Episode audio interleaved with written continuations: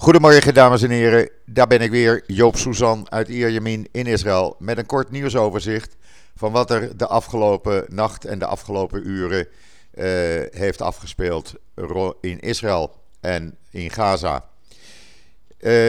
de raketten, ja, met uh, honderden blijven ze op Israël worden afgevuurd. Ascalon heeft vanmorgen een hele grote barrage gekregen Waarbij uh, een tiental gewonden zijn gevallen en verschillende appartementengebouwen en uh, huizen zijn beschadigd en in brand gevlogen.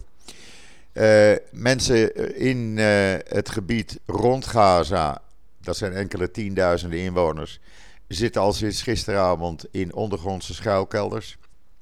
Omdat de meeste huizen niet voorzien zijn van een veilige ruimte. Het dreigement van Hamas om raketten richting Tel Aviv af te vuren wordt zeer serieus genomen. Uh, scholen in de plaatsen net ten oosten en net ten zuiden van Tel Aviv, zoals Bat Yam, Golon, Rishon LeZion, uh, Rehovot, uh, blijven gesloten vandaag. Men vraagt aan de inwoners om zo min mogelijk ook uh, naar buiten te gaan. En als men naar buiten gaat, om uh, te zorgen dat men weet waar een schuilkelder is. Alle schuilkelders trouwens in Tel Aviv en de plaatsen daaromheen zijn geopend.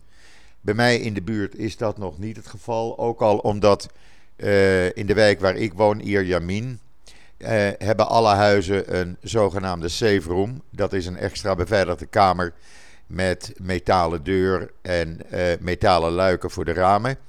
Ik heb die wel ingericht. Ik heb daar water staan. Ik heb daar uh, zaklantaarnbatterijen staan.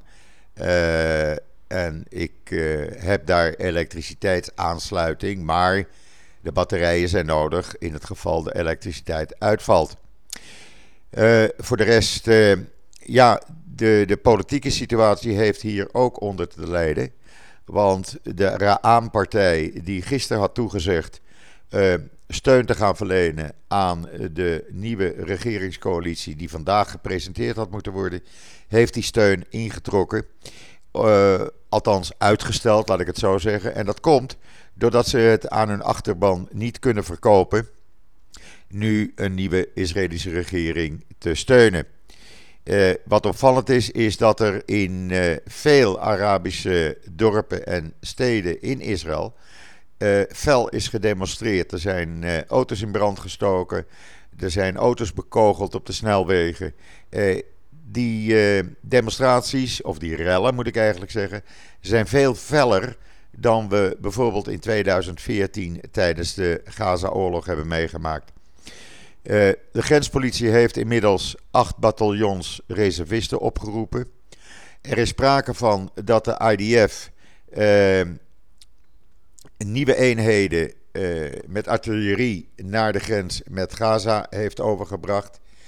Of de IDF Gaza intrekt. Ik denk het niet voorlopig. Het probleem is als je er eenmaal in zit, hoe ga je daar weer uit? Ik denk dat het voorlopig blijft met uh, luchtaanvallen en aanvallen via artillerie en tanks.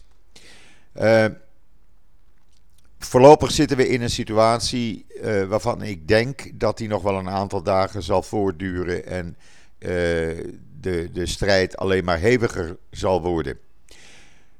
Ik blijf u op de hoogte houden van alles wat er gebeurt, via Twitter hoofdzakelijk. En ik kom later op de dag natuurlijk met een uh, ander nieuwsbulletin bij u uh, terug. Mocht het zo zijn dat er uh, echt iets serieus aan de hand is, dan zal ik een live uitzending via Twitter gaan verzorgen. Tot zover even het laatste nieuws uit een gespannen Israël. Waar iedereen in afwachting is van wat er de komende uren hier gaat gebeuren. En met name rond Tel Aviv en omgeving. Eén eh, ding moet ik er nog bij zeggen. Voorlopig is het aan het noordelijk front nog rustig.